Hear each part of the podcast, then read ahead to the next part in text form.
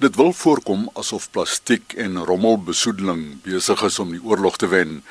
Oor natuurbewaring se benadering van hierdie kopseer gesels ons vanoggend met die uitvoerende direkteur biodiversiteit steundienste van Cape Nature, Dr Ernst Baart. Chris die die hele saak rondom plastiek en plastiekbesoedeling en en die die feit dat plastiek goedkoop is om te produseer,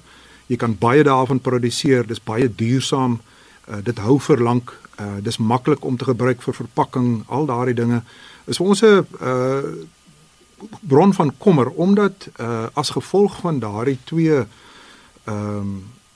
kenmerke van plastiek ehm um, word baie baie plastiek gemaak of geproduseer wêreldwyd. Uh, ek dink iets soos 350 380 miljoen ton plastiek word vervaardig elke jaar wêreldwyd. Ehm um, en omdat daar minder as 20% van daardie plastiek weer herwin word of weer verbrand word in sekere prosesse, ehm um, land die die oorgrootste meerderheid uh, 80% land op een of ander manier weer terug in die omgewing. So vanuit 'n omgewingsoogpunt is dit maar altyd 'n kommer. Die een groot rede hoekom dit vir ons van kommer is, is die feit dat plastiek wanneer plastiek in die omgewing land, herwinningsplekke en uh, by afvalhope waar dit geberg word, word die afbreek proses begin, maar dan word daar ook in die proses van die afbreek van die plastiek weer baie skadelike chemiese stowwe vrygestel in die omgewing wat nou weer vanuit daardie oogpunt weer ander nadelige uh, aspekte het. Maar ek dink vir ons by by Cape Nature en veral soos ek net nou gesê het vanuit 'n spesifieke omgewingsoogpunt uh, is dit kommeniswaardig omdat plastiek um, uiteindelik maar sy weg vind tot in meeste van ons waterweë soos ons riviere, ons strome, ons stormwater aflei, ehm um, ons vlei lande en uiteindelik in die see land. En dis eintlik waar die probleme regtig begin want uh want die see en die die die marine omgewing is baie sensitief en baie vatbaar vir die nadelige ehm um, uitwerking of die nadelige invloed om dit so te stel van van plastiek. Jy verwys nou al twee keer na die oseane ook so julle is vir daardie gedeelte van die omgewing ook verantwoordelik.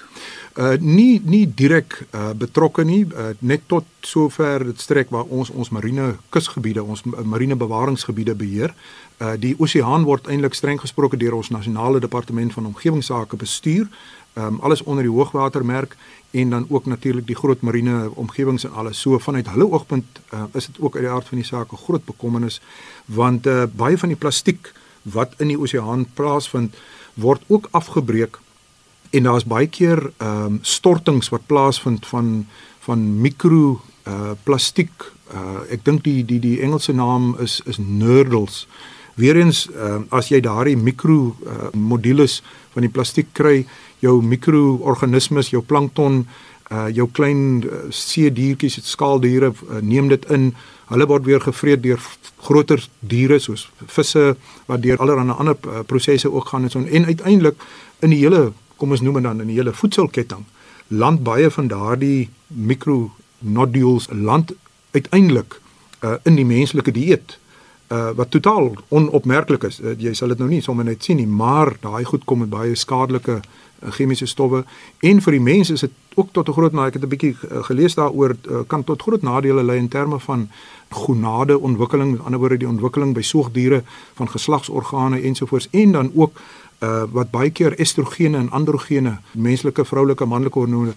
kan versteur. So dis 'n dis 'n geweldige lang proses uh, uh, en en 'n aaneengeskakelde negatiewe proses uh, hierdie hele ding van van plastiek. Dit gaan tot 'n groot mate ook daaroor dat ons as 'n gemeenskap, ons as mensdom het uh, oor die afgelope klompie jare so afhanklik geword van uh, geprosesseerde kosse want omdat plastiek so maklik is en so bruikbaar is is dit baie maklik om 'n plastiek sakkie vol te maak met jou aardappeltjies en ek is ek moet self bieg, bieg ek sal die eerste een wees wat sê ek koop ook maar my plastiek en alles my my groente in plastiek dis 'n tendens wat oor die afgelope klompie jare um, begin het en wat voortgaan in terme van ons denke um, rondom plastiek. Dit is tegnies wat in my opinie behoort te verander. Hoe raak dit die flora en die fauna? wat die nadeel uh, van van plastiek in die omgewing en nou praat ek sê maar van die landelike omgewing Ehm um, dink ek nie is daar al vreeslik baie navorsing gedoen daaroor soos wat daar in die marine omgewing gedoen word nie. Ek was nou weer hier uh, afgelope week teen die Weskus opgewees. Dit is verstommend om te sien hoe baie plastiek daar werklik in die omgewing is wat vasgewaai is teen drade en so aan. En ek dink dis daar waar die, waar die probleem inkom is dat baie diere, uh, wilde diere, makdiere, skape, beeste, bokke, uh, wildspesies uh, sien baie keer uh, hierdie stukke plastiek aan vir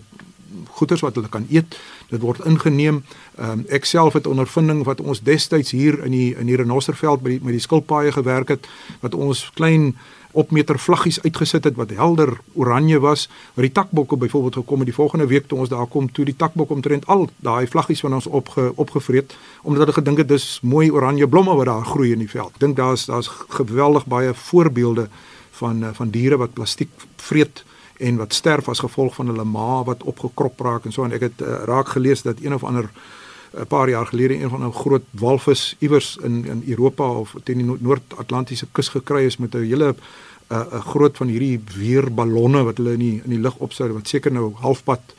stukkend geraak het afgekom het in die see geval het en die walvis het die ballon ingesluk op een of ander manier soos wat hulle hulle kyk mos nou nie altyd waar hulle sluk nie hulle sluk mos nou maar net Ehm um, en wat hy die ballon heeltemal sy maag toegestop het en hy het gevrek as gevolg daarvan. Hy het met ander woorde as gevolg van honger gevrek. En ek dink daar is 'n magdom voorbeelde waar mense kan sê dat uh, bloot eenvoudig plastiek in die omgewing is net nie 'n gesonde ding nie. Het Cape Nature 'n spesifieke program in die verband?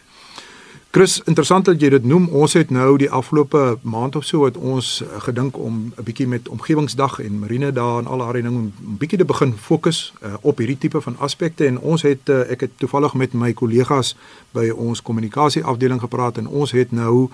'n um, uh, program van van stapel gestuur. Um, ons uh, ons noem dit don't be trashy. Aan die ander woorde moenie 'n rommelstrooier of 'n morsjors soos wat ons toe in ons jong dae geleer het, uh, moenie 'n morsjors wees nie. Ons werk saam met 'n paar vennote uh soos die Wildlife and Environmental Society WESA uh, en ook van die ander uh ander organisasies werk ons saam um, en ons gebruik hierdie program om mense bewus te maak van die feit dat ons op ons persoon in 'n persoonlike hoedanigheid gebruik ons plastiek uh sommige minder, sommige meer maar ook as sektore, jy weet soos die nywerheidssektor, die landbousektor, uh, ensovoorts baie plastiek word word gebruik. Nie alles word altyd herwin nie. Dis ook miskien nie altyd moontlik om alles te herwin nie. Maar dit gaan eintlik vir ons daaroor en dit is ek dink dis die belangrike punt wat ek graag wil deel. Is dit gaan vir, dit gaan vir ons oor om 'n bietjie vir ons as mense om net 'n bietjie weer te dink oor ons gebruik van plastiek en 'n bietjie ons gedrag miskien 'n bietjie ook verander. Ek weet daar's nou in die in die besigheidssektor 'n gewellige groot benadering wat hulle wil graag volg in terme van om plastiek byvoorbeeld heeltemal te begin uitsny, uh, plastiek winkelsakke, strooitjies, al daai goed, daai goed wat jy een keer koop of een keer kry en dan gebruik jy hom en dan gooi jy hom weg. Dis juis in daardie sektor uh, lyk dit vir my asof hulle wil baie sterk nou na vore kom en sê hierdie ou plastiek bekertjies wat ons ons koffie in koop en koeldrinkies en botteltjies en al daai goeders en soos ek nou net gesê het, selfs strooitjies om dit te vervang met 'n houer of 'n of 'n sak 'n strooitjie van herwinbare materiaal soos byvoorbeeld bamboes of enige uh, ander ander tipe van natuurlike produk en so aan. So ons uh, ons is ook aan die kyk daarna in, in ons omgewingsopvoeding programme wat ons in die gemeenskap bedryf, uh, kry ons maar altyd hierdie boodskap probeer ons dit deurstuur en dat mense kan 'n bietjie uh, fokus op die feit dat ons as mensdom ge gebruik geweldig baie plastiek en dat dit nie 'n goeie ding is nie en miskien sodanig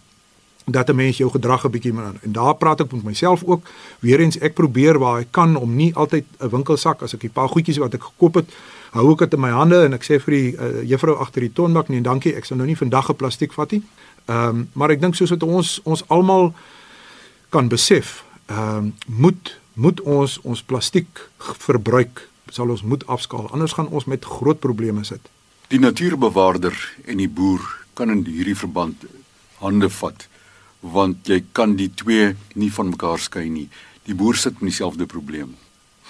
Chris, dis 'n baie waar opmerking wat jy maak. Ek dink uh, in daardie opsig het ons nou oor die afgelope klompie jare so vir die paar laaste klompie jare wat ek in natuurbewarings het ek gesien hoe geweldig baie raakpunte daar is tussen die landbousektor en natuurbewaring. Kyk aan die een kant moet ek uh, eerlik wees en sê dat ehm um, die landbousektor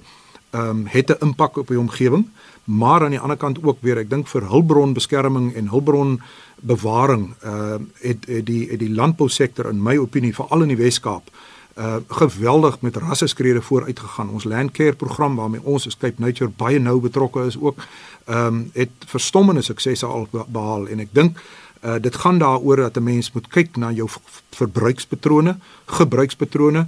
en sien waar jy kan verminder, waar jy kan herwin en al daai dinge. Ek dink afvalbestuur onder andere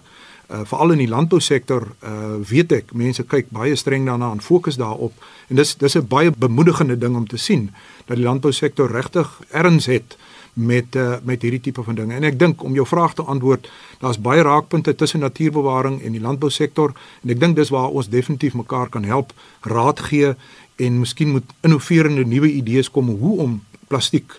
te verminder om te begin mee en om wanneer dit in die in die uh, in die sektor in verbruik word en dis nie meer nodig hoe om dit weer te kan herwin of te verbrand of op een of ander manier ehm um, die saak kan beredder. So nee, 100% ek eh, ek is oortuig daarvan dat daar is baie raakpunte en 'n mens kan beslis hande vat. Oor besoedeling wat die dorpsinwoner, stedeling, boer, kusbewoner, natuurbewaarder, noem maar op, daagliks ervaar, het ons die mening verneem van die uitvoerende direkteur biodiversiteit steundienste van Cape Nature, Dr Ernst Baart.